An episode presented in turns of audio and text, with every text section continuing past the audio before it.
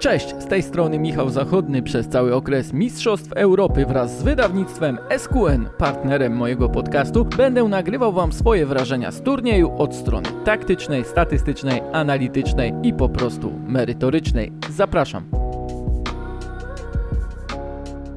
Bardzo długo myślałem o tym, jak rozpocząć ten podcast. Uwierzcie mi, że przygotowanie tego wstępu w głowie zajęło mi znacznie więcej czasu niż przygotowanie analizy samego finałowego spotkania, a także kilku słów na podsumowanie e, tego turnieju, chociaż wydaje mi się, że e, wszyscy słuchacze podcastu, czy też po prostu osoby oglądające mają swoje przemyślenia i mam nadzieję, że one będą e, w sporym stopniu spójne, a jeśli nie, to też uda mi się gdzieś na końcu przedstawić jakąś taką inną perspektywę na to, co oglądaliśmy przez ostatni miesiąc. Na pewno ten finał, który zobaczyliśmy wczoraj na Wembley, był taki, na jaki ten turniej e, zasługiwał, na jakie euro zasługiwało. Były ogromne emocje, były zmiany taktyczne, byli bohaterowie tego meczu, było ryzyko przede wszystkim, było ryzyko wynikające też z, z kalkulacji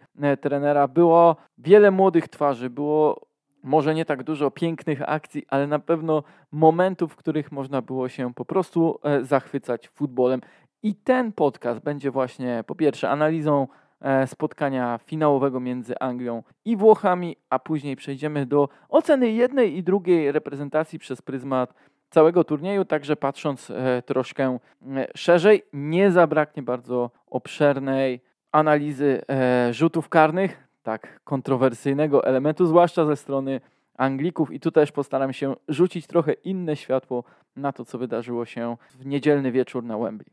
Zacznijmy od e, podstaw, czyli od bardzo ważnej decyzji Garetha Southgate'a, czyli przejściu na trójkę e, środkowych obrońców na system z wahadłowymi. On sam już e, kilkanaście godzin po spotkaniu tłumaczył, że to wynikało z chęci zablokowania wyjścia z pressingiem e, do przeciwnika. Natomiast też zobaczyliśmy, dlaczego ta decyzja do końca się nie opłaciła w dalszej części spotkania. Natomiast już sam początek pokazał, jakie mogą być efekty, gdy zaskoczy się e, rywala, gdy rywal nie jest od pierwszej minuty nastawiony właściwie, że wymagają ci choćby wahadłowi takiej całkowitej uwagi e, w ataku, ponieważ mogą tam stwarzać e, przewagę. Sama akcja bramkowa jest tego doskonałym przykładem, że ten podział odpowiedzialności za wahadłowych, za krycie tych piłkarzy wcale nie jest taki oczywisty, gdy gra się linią czterech obrońców. Trwał ten efekt praktycznie 30 e, minut. E, bardzo ważne było to, że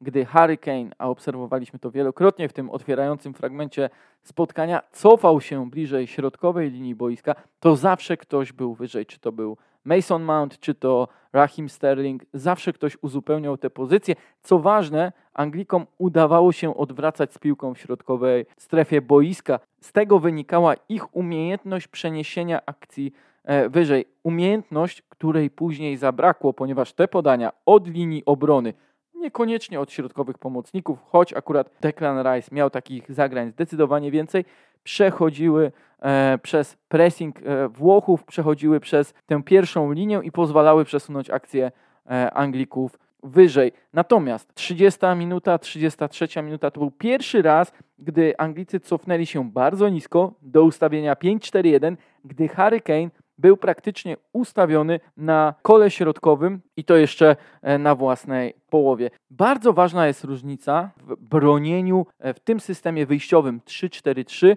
gdy jest się w pressingu średnim, a gdy w niskim. Wiemy z poprzedniego podcastu, że Anglicy byli bardzo mocni w bronieniu w średnim pressingu. W nim się czuli najlepiej, z niego potrafili wyprowadzać e, zabójcze e, kontry, jak choćby w meczu z Niemcami, też odzwierciedlając ustawienie przeciwników.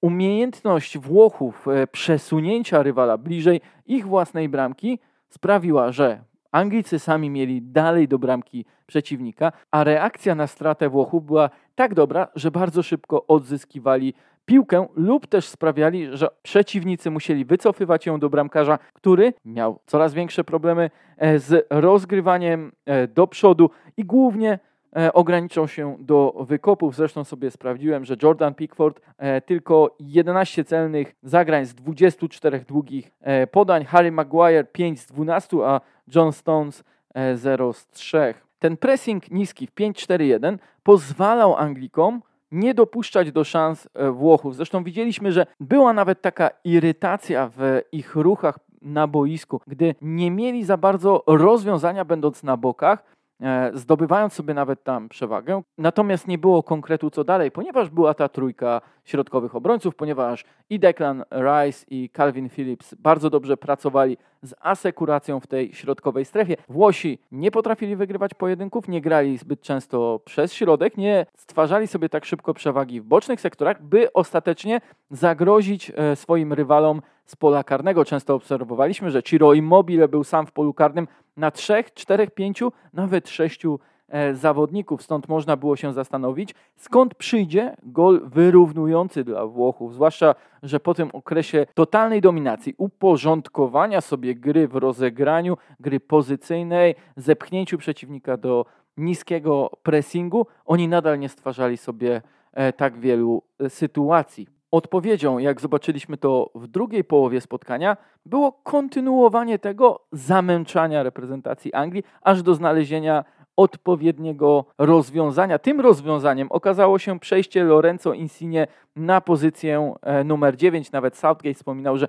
to sprawiło taktycznie kolejny problem jego drużynie, zwłaszcza stoperom, wyciągając e, jednego z nich e, z tej strefy środkowej lub twarzając przewagę w środku pola. I faktycznie tych podań przez środek było coraz więcej w powiązaniu z tym, że Włosi umiejętnie rozgrywali od obrony, lekko wyciągając tą trójkę zawodników, która była pierwszą linią pressingu, zagrywając nad nimi e, do boku i tam już rozgrywając dalej, czasem powodując nawet zepchnięcie znów Anglików do niskiego pressingu. Zejście Kiezy na lewą stronę było równie ważne. On coraz częściej zaczął dryblować do prawej nogi. Tak stworzył jedną z najlepszych sytuacji Włochów po przerwie, ale pojawiły się też kolejne dośrodkowania, takie dośrodkowania dochodzące, które sprawiały, nawet przy bardzo niskim Insinie, który teoretycznie nie miał szans ani ze Stonesem, ani z Maguirem, całkiem sporo problemów z stoperą, którzy musieli tę piłkę wybijać w dwóch, trzech e, sytuacjach i to ostatecznie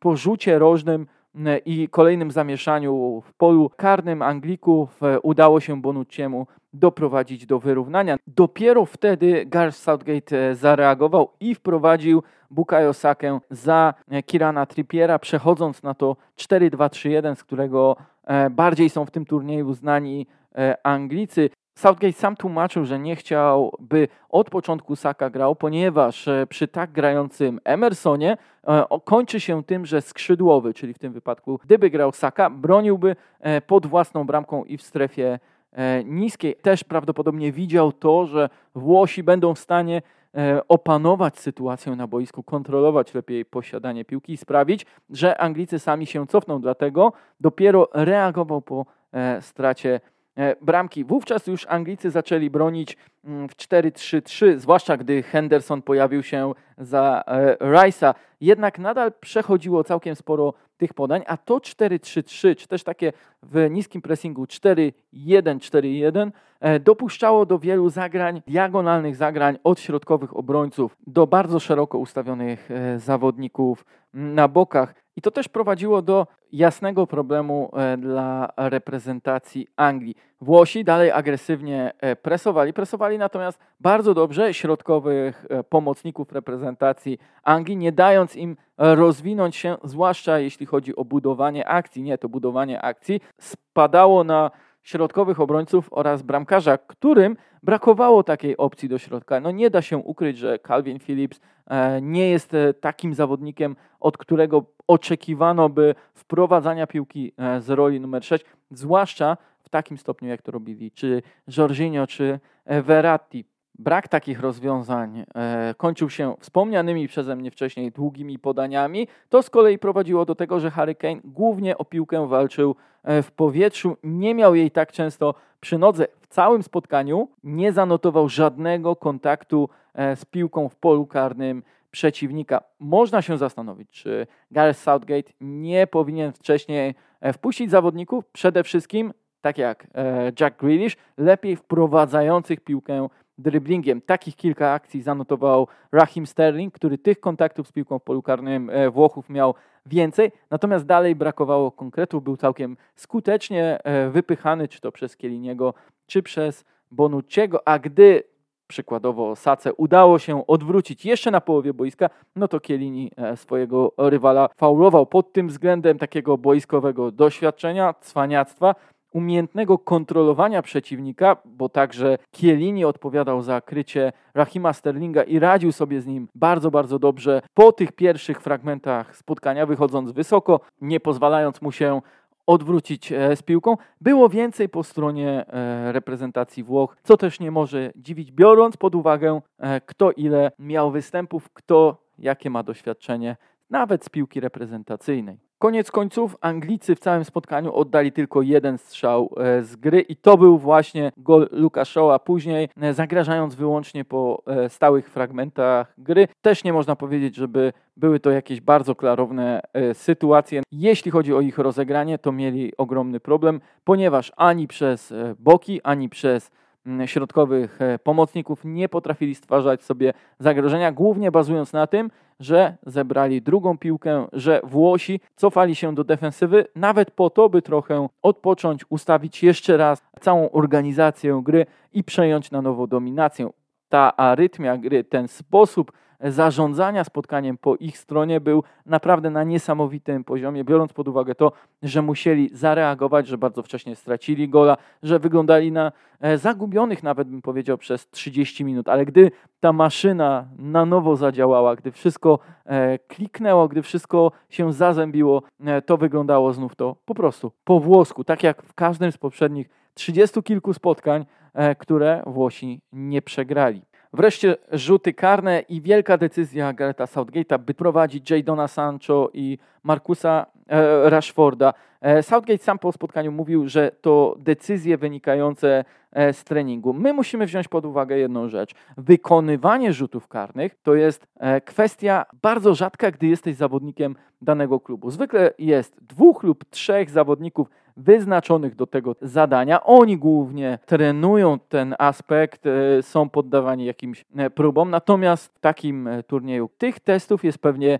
więcej. Sprawdza się coraz większą liczbę zawodników, zwłaszcza jeśli chodzi o treningi. I Southgate mówił, że to właśnie na bazie treningów zdecydował o kolejności wykonywania rzutów karnych. Natomiast trzeba pamiętać, że wielu z tych zawodników, którzy w tym momencie byli na boisku, nawet nie wykonywało rzutów karnych w swoich karierach lub wykonywało je bardzo dawno temu, jak choćby Jack Grealish, który ostatni raz do piłki podszedł ponad 5 lat temu i to jeszcze e, w drugiej e, Premier League, czyli w rezerwach Aston Villa. E, Southgate'owi zarzuca się to, że bardzo kalkuluje, że nie chce ryzykować, i teraz podjął zbędne ryzyko. Natomiast w przypadku tego trenera uważam, że przy rzutach karnych, przy jego doświadczeniu, przy tym, że poprzednie dwie serie jedenastek za jego kadencji e, reprezentacja wygrała i z Kolumbią w Mistrzostwach Świata i ze Szwajcarią w Lidze Narodów, to uważam, że akurat on starał się to ryzyko jak najbardziej ograniczyć. Zresztą Sancho czy wspomniany Marcus Rashford mają dużo większe doświadczenie wykonywania jedenastek niż choćby Kyle Walker, którego zmienił w tej ostatniej minucie,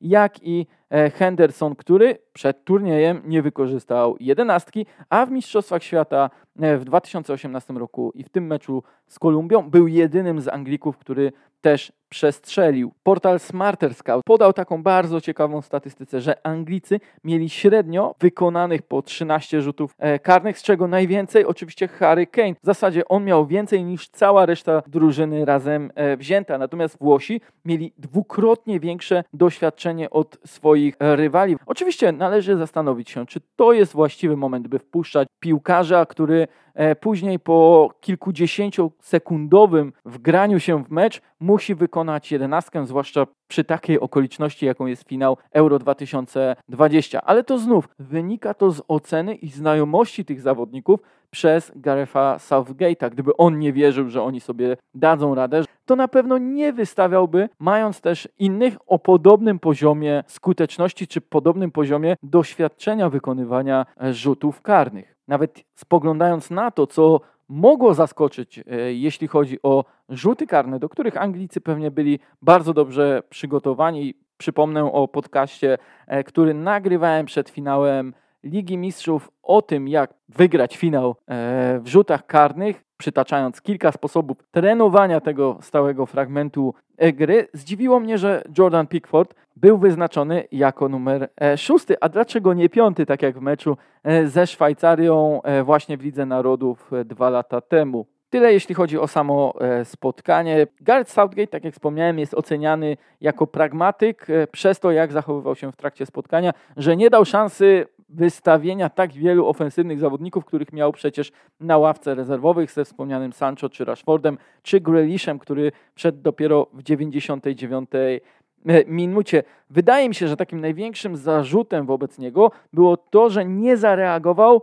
na ten pierwszy okres drugiej połowy, gdy jego zespół nie potrafił utrzymać się przy piłce, nie potrafił skutecznie też bronić i zareagować na to, gdy e, Lorenzo Insigne stał się na kilkanaście minut fałszywą e, dziewiątką. Reagował bardzo schematycznie pod tym względem, gdy po Mancinim było widać, że każdą zmianą stara się dodać energię e, swojej drużynie. Gary Lineker po tym spotkaniu pisał o tym, że ten zespół potrzebuje uwolnienia linii ofensywy i tego potencjału, który tam się niewątpliwie kryje. Natomiast, żeby to uwolnić, trzeba zdać sobie sprawę, że Anglicy potrzebują piłkarzy do środka pola, którzy są o podobnej charakterystyce do dwóch zawodników, którzy grali po stronie e, Włochów. Mówię o Jorginho i o e, Verratim. Anglicy w zasadzie nie mają takiego piłkarza. Gdy sprawdzimy sobie wszystkie możliwości, jakie ma do dyspozycji Gareth Southgate, nawet sięgając do młodzieżowej reprezentacji Anglii, to trudno o wskazanie e, takiej szóstki, która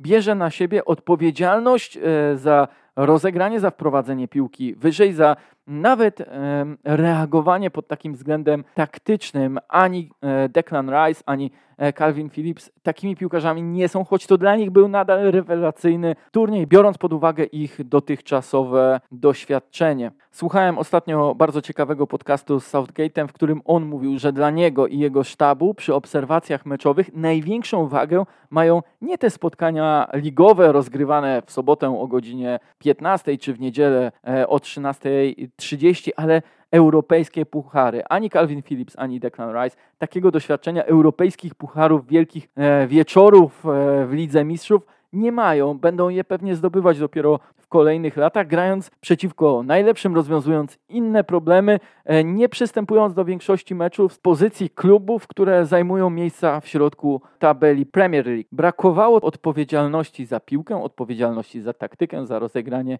e, drużyny. Może taką nadzieją idąc w przód dla Anglii jest Jude Bellingham, e, którego nie wystawił w tym spotkaniu, stawiając na Jordana Hendersona, e, czyli jednego z tych liderów. Mało się mówiło o tym, jaką rewolucję w ostatnim czasie przeszła reprezentacja Anglii. Przecież czwarta drużyna e, świata w Euro 2020, więc trzy lata po Mistrzostwach Świata, miała tylko 9 z 23 zawodników, którzy wówczas znaleźli się w kadrze na rosyjski mundial. Nie było mowy o rewolucji, bo ta kadra jest stopniowo budowana. Jest tam wciąż bardzo wielu młodych zawodników, z których Isaka, i Rashford, i Sancho, czyli ci trzej najbardziej obciążeni mentalnie po tych rzutach karnych po porażce finałowej zawodników na pewno będzie stanowić o wielkiej wartości e, zespołu. Natomiast wydaje mi się, że wciąż takim problemem, który sam Southgate musi e, sobie rozwiązać, jest to, jak sprawić, by ten zespół w samym jego środku, w samym sercu był po prostu mocniejszy, pewniejszy siebie przy piłce, bo inaczej będziemy oglądać Anglię, która nadal w takich meczach może myśli nie tyle pragmatycznie, ale nie potrafi nad przebiegiem wydarzeń e, zapanować, odpowiedzieć na większe posiadanie piłki rywalowi, także z kontrolowaniem tego elementu gry. Wreszcie powiedzmy sobie coś o zwycięzcach. Dla mnie to jest zwycięstwo najbardziej wszechstronnej e, drużyny. Drużyny, e, o której ja myślę przez pryzmat tych narzędzi, e, które ma Roberto Mancini do dyspozycji i które wszystkie widzieliśmy w fazie pucharowej tego turnieju. Już nawet nie wracam do e, fazy grupowej, do trzech pewnie wygranych e, spotkań, bo chcę się skupić na tych najważniejszych meczach w drodze do Mistrzostwa Europy. Z Austrią udało się Włochom na Wembley rozwiązać problem, gdy to rywal grał w tym samym systemie co oni i doskonale ich presował. Potrafili to zrobić zmianami, pokazali e, jak wyrównaną mają kadrę, jak czasem zmiana jeden do jednego, ale przy przekonaniu co do e, systemu, co do taktyki, sposobu gry, może zmienić oblicze danego e, spotkania. Z kolei z Belgią grali już przeciwko 3-4-3 i pokazali, że mają sposób nie tylko na to, e, że wybronią wynik, tak jak to zrobili w końcówce, w sposób bardzo charakterystyczny dla starej szkoły e, z Włoch. Potrafili też zapanować nad sytuacją, przejąć inicjatywę, wykorzystać taktycznie przewagę e, nad rywalem w tym systemie, który zaprezentowali i również dać się rozwinąć swoim indywidualnościom, czego wyrazem był choćby gol e, Lorenzo Insigne Wówczas w ćwierćfinale Włosi zaimponowali mi tym, jak potrafili sobie szybko zorganizować grę przeciwko inaczej ustawionej drużynie i też drużynie z taką jakością, e, kontrolując mecz, omijając pressing, czasem wyciągając ofensywnych e, zawodników, czyli De Bruyne, Lukaku i Doku, omijając ich i później e, rozgrywając piłkę na połowie Belgów. Ten ostatni kwadrans, a w zasadzie nawet 20 minut. E, pokazał dodatkowy aspekt, e, aspekt, który pewnie dał im przekonanie, że poradzą sobie i w trudniejszym momencie, że mają kolejne właśnie narzędzie, narzędzie, e, które doskonale znają, które może dawniej byłoby podstawą ich sposobu gry, do wykorzystania w tak wielkim turnieju i przeciwko tak wielkim rywalom. Z Hiszpanią w półfinale oczywiście można powiedzieć, że bardziej przetrwali to spotkanie, że bardziej e, to rywal dominował, natomiast tutaj trzeba podkreślić klasę rywala i to też nie był do końca wybór e, wydaje mi się, piłkarzy i też samego Roberto e, Manciniego, że tak rzadko będą mieli piłkę. Nie, oni, pamiętajcie, mieli dużo problemów z tym, by ominąć pressing e, Hiszpanów. Bardzo często kończyło się to długimi zagraniami e, do nikogo lub na walkę Ciro Immobile. E, koniec końców to jedna z takich bardzo szybkich akcji zakończyła się trafieniem Kiezy i wydaje mi się, że tamten gol dał im ogromną pewność siebie, też pokazał, jak muszą być czujni, jeśli chodzi o środek pola. I to ostatecznie też mogło zadecydować o tym, że poradzili sobie tak dobrze e, z Anglikami w finale, bo ten finał z Anglią pokazał, jak szybko potrafią się odbudować, zapanować nad własnymi e, nerwami, zapanować nad sytuacją taktyczną, jaka rozrysowuje się na boisku, jaką mądrość mają i jako zespół, i jako jednostki, by znaleźć właściwe e, rozwiązanie, wdrożyć je i odwrócić e, losy spotkania, wręcz przejąć całkowitą dominację, niwelując też najgroźniejszych zawodników przeciwnika.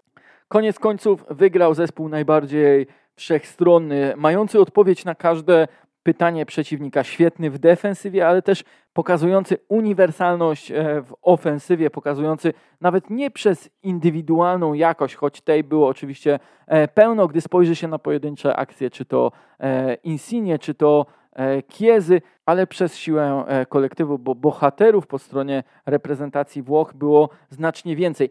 Jednym z nich jest Roberto Mancini, trener, o którym wcześniej, przed tym turniejem, przed tym jak objął reprezentację Włoch, myślałem, że on jest właśnie szkoleniowcem skierowanym na to, by wykorzystać najważniejszą jednostkę, może dwie, trzy indywidualności, jakie by miał w swojej drużynie. Tak go pamiętam, jeśli chodzi o Manchester e, City. Mówiłem o tym też w studiu pomeczowym Food Trucka i też słuszną uwagę dał E, Łukasz Wiśniowski, e, który razem z Kubą Polkowskim mieli okazję rozmawiać z Jaja Touré i ten zawodnik, który przecież u Manciniego grał w Manchesterze City, wspominał, że Włoch wyznaczał do atakowania w zasadzie maksymalnie trzech, czterech zawodników, którzy mieli swobodę, czy też mieli pozwolenie na to, by atakować, gdy reszta raczej broniła. Nie, w reprezentacji Włoch tych zawodników od atakowania było znacznie więcej. Zresztą, gdy spojrzy się na choćby podania, jakie zagrywał Leonardo Bonucci, to można włączyć również jego, a jak często Chiellini atakował wręcz przeciwnika wysokim pressingiem